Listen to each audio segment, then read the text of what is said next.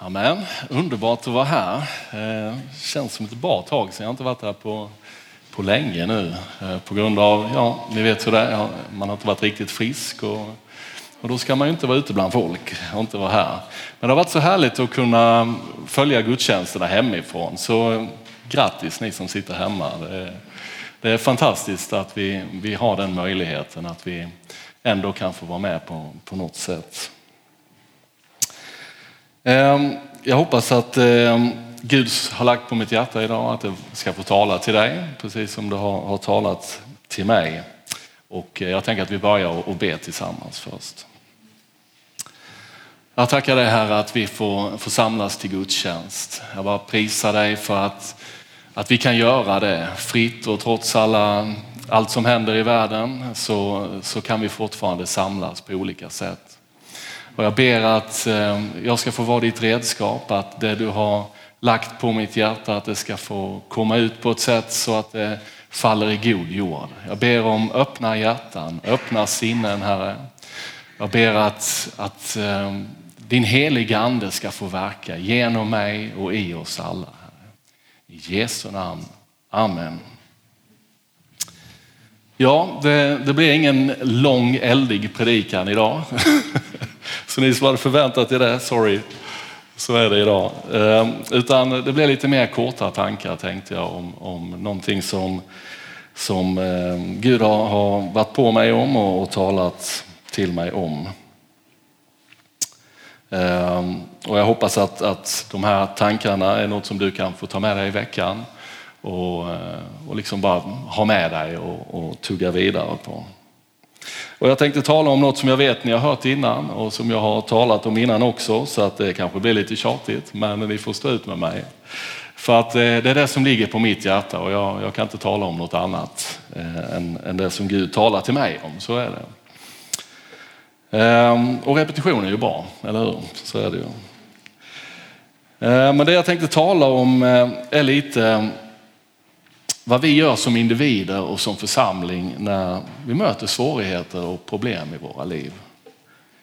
Vad gör vi då? En fråga som dök upp och som jag ställer till mig själv och som jag ställer till er också. Vad gör vi när problem och utmaningar möter oss i livet? Söker vi oss närmare Gud? Eller flyr vi bort från Gud och från varandra, drar oss undan? Vad gör vi?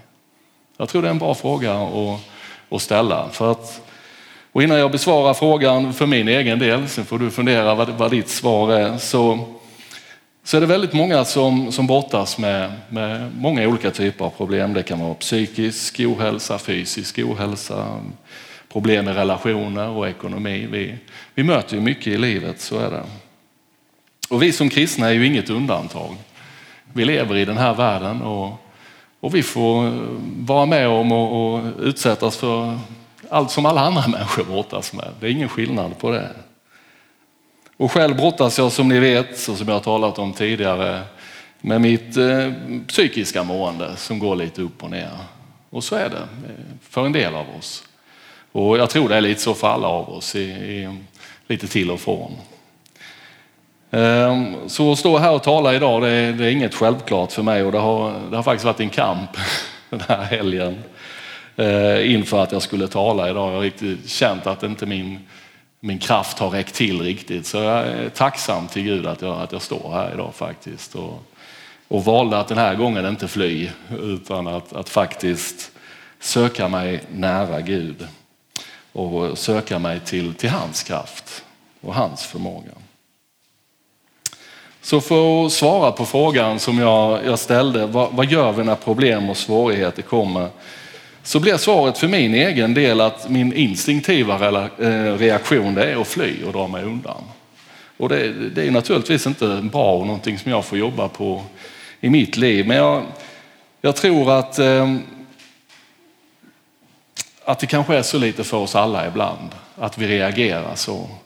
Att vi känner att när problemen dyker upp och när utmaningarna radar upp sig att vi drar oss tillbaka. Att vi liksom flyr ifrån Gud, vi flyr ifrån varandra och drar oss undan. Och varför gör vi det? Varför gör jag det? Jo, jag tror att eh, det är så lätt att tänka att vi på något sätt eh, när vi hamnar i svårigheter, att det är ett misslyckande. Det finns en bild av att vi som kristna, vi ska vara glada, vi ska vara lyckliga, vi ska vara framgångsrika. Annars är det något som är fel. Då är det något som är fel på oss och fel på vår tro. Vi kan inte visa oss svaga. Vad ska folk tro? Om jag säger att jag mår dåligt. Och det är lätt att tänka att ja, det är bäst jag håller mig borta från kyrkan också. För jag, jag blir bara en belastning och Gud kan ju ändå inte använda mig när jag mår så här. Och vet ni vad, det här är verkligen en lögn. Det finns inget som är mer osant än det skulle jag vilja säga.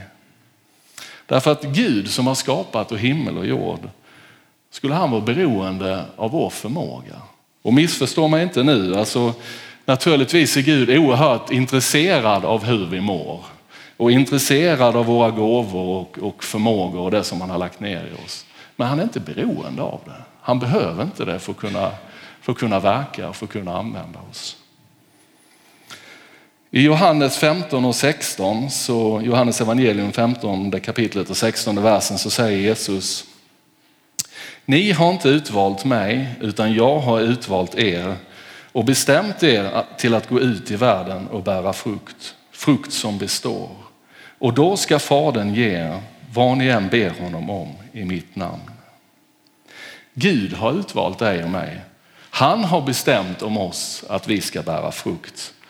Det handlar inte om oss och vår förmåga att bära frukt. Gud har bestämt sig för att använda oss. Han har utvalt oss. Han är inte beroende av vår förmåga, han är beroende av vår vilja att följa honom. Allt förmår jag genom honom som ger mig kraft, så står det i Filipperbrevet 4 och 13. Och ofta när vi läser den versen, i alla fall när jag har läst den, så, så är det lätt att fokusera på att vi förmår allt. Allt kan vi göra i honom som ger oss kraft. Och det är sant, men vi kanske snarare borde fokusera på att i honom som ger oss kraft så förmår vi allt.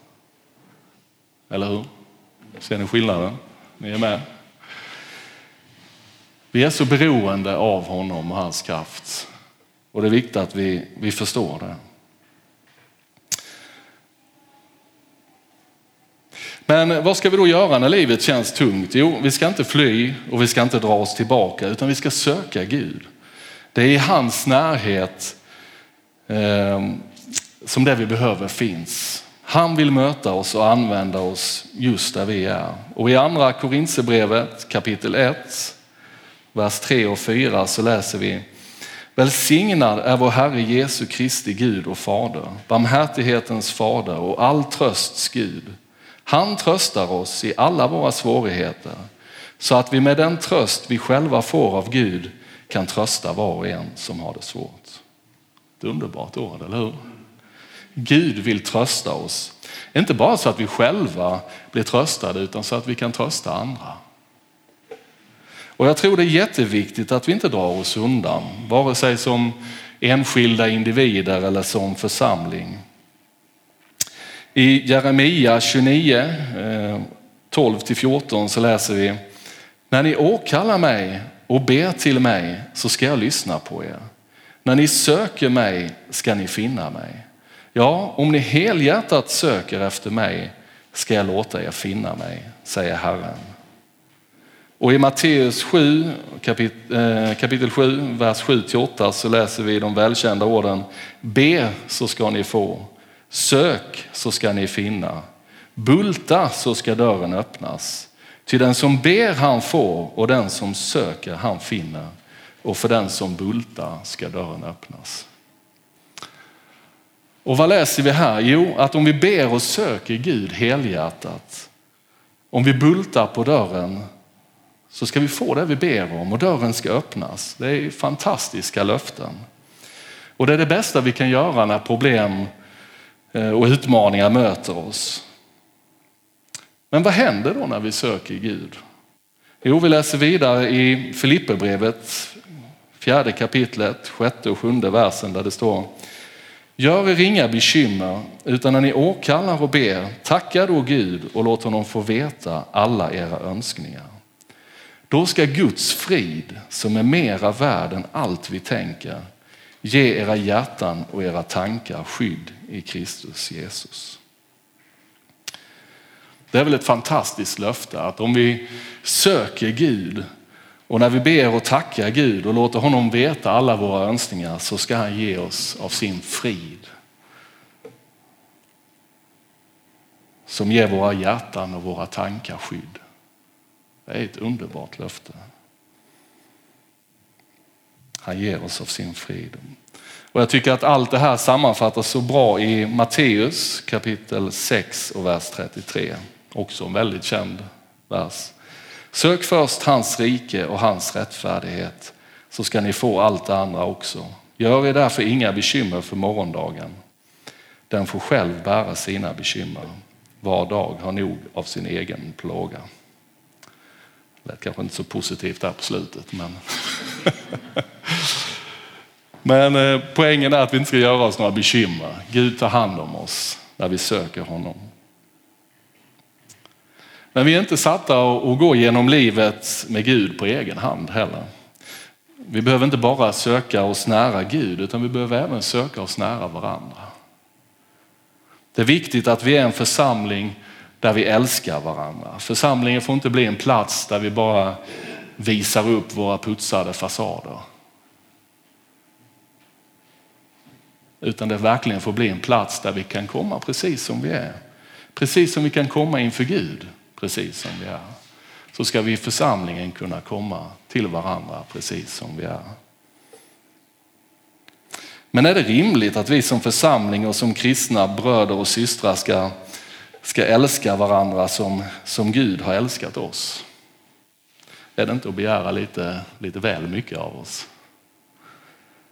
Ja, ni som kan er bibel, ni vet att det är inte bara rimligt utan det är, det är absolut nödvändigt. Allt annat är faktiskt helt otänkbart. Och varför då? Jo, om vi läser vad Bibeln säger, eller vad Jesus säger i Johannes 15 kapitlet 11 till 17 versen. Detta har jag sagt er för att min glädje ska vara i er och er glädje ska bli fullkomlig. Mitt bud är detta, att ni ska älska varandra så som jag har älskat er. Ingen har större kärlek än den som ger sitt liv för sina vänner. Ni är mina vänner om ni gör vad jag befaller er. Jag kallar er inte längre tjänare, ty en tjänare vet inte vad hans herre gör. Jag kallar er vänner därför att jag har låtit er veta allt vad jag har hört av min fader. Ni har inte utvalt mig, utan jag har utvalt er och bestämt er att gå ut i världen och bära frukt, frukt som består och då ska Fadern ge er vad ni än ber honom om i mitt namn. Detta befaller jag er att ni ska älska varandra. Jesus säger detta befaller jag er att ni ska älska varandra. Inte rekommenderar eller det vore bra eller det vore fint om ni älskar varandra. Utan det är faktiskt en befallning ifrån Jesus och då måste det vara rätt viktigt, eller hur? Det betyder att det är något som är absolut nödvändigt för att vi ska fungera som en församling. Och hur ska vi älska varandra? Jo, det står i vers 2. Mitt bud är detta att ni ska älska varandra så som jag har älskat er. Det är starka ord. Men det är Jesu egna ord. Det är inte något som jag har hittat på. Utan det är Jesus som säger så. Och i Galaterbrevet 6 och vers 2 så säger Paulus med hänvisning till detta, bär varandras bördor så uppfyller ni Kristi lag. Och vad är då Kristi lag? Jo, det är ju det här vi läste, va? att vi ska älska varandra. Jesus sa ju att mitt bud är detta, att ni ska älska varandra. Som en hänvisning till, till lagen. Så Kristi lag är att vi ska älska varandra. Och Paulus säger att det gör vi genom att bära varandras bördor. Det är alltså inte bara rimligt att vi ska älska varandra utan en befallning från Jesus. Så vi behöver söka Gud och då har han lovat att finnas där. Och så behöver vi varandra och att vi älskar varandra genom att bära varandras bördor. Och vad är då det? Jo, det är ju genom att hjälpa varandra genom de problem och de utmaningar som finns i livet som vi kan stöta på. När vi gör detta så tror jag också att det lyser igenom i våra liv. Att vi får bli levande exempel på Jesus, som Felicia predikade om här förra söndagen så bra. Att våra liv får präglas av att vi oavsett vad vi går igenom i våra liv, att vi söker Gud i bön och tillbedjan och att vi älskar varandra så som Gud har befallt oss. I andra Korintsebrevet eh, kapitel 3 och vers 8 står det och alla vi som utan slöja för ansiktet skådar Herrens härlighet förvandlas till en och samma avbild. Vi förhärligas av denna härlighet som kommer från Herren, anden. Så när vi söker Gud i bön och tillbedjan och när vi får se hans härlighet så blir vi avbilder av honom. Vi får reflektera hans härlighet i vår omgivning. Så jag vill skicka med en uppmaning att när problem och utmaningar kommer i ditt liv, fly inte. Dra dig inte undan. Utan sök dig nära Gud. Så kommer han att ge dig allt det du behöver. Han kommer att ge dig av sin härlighet så du kan reflektera den i din vardag. Han kommer att ge dig av sin frid. Och när du ser att andra har det tufft, tänk då på Jesu befallning att vi ska älska varandra genom att bära varandras bördor. Gud är beroende av din vilja, att du söker honom. Och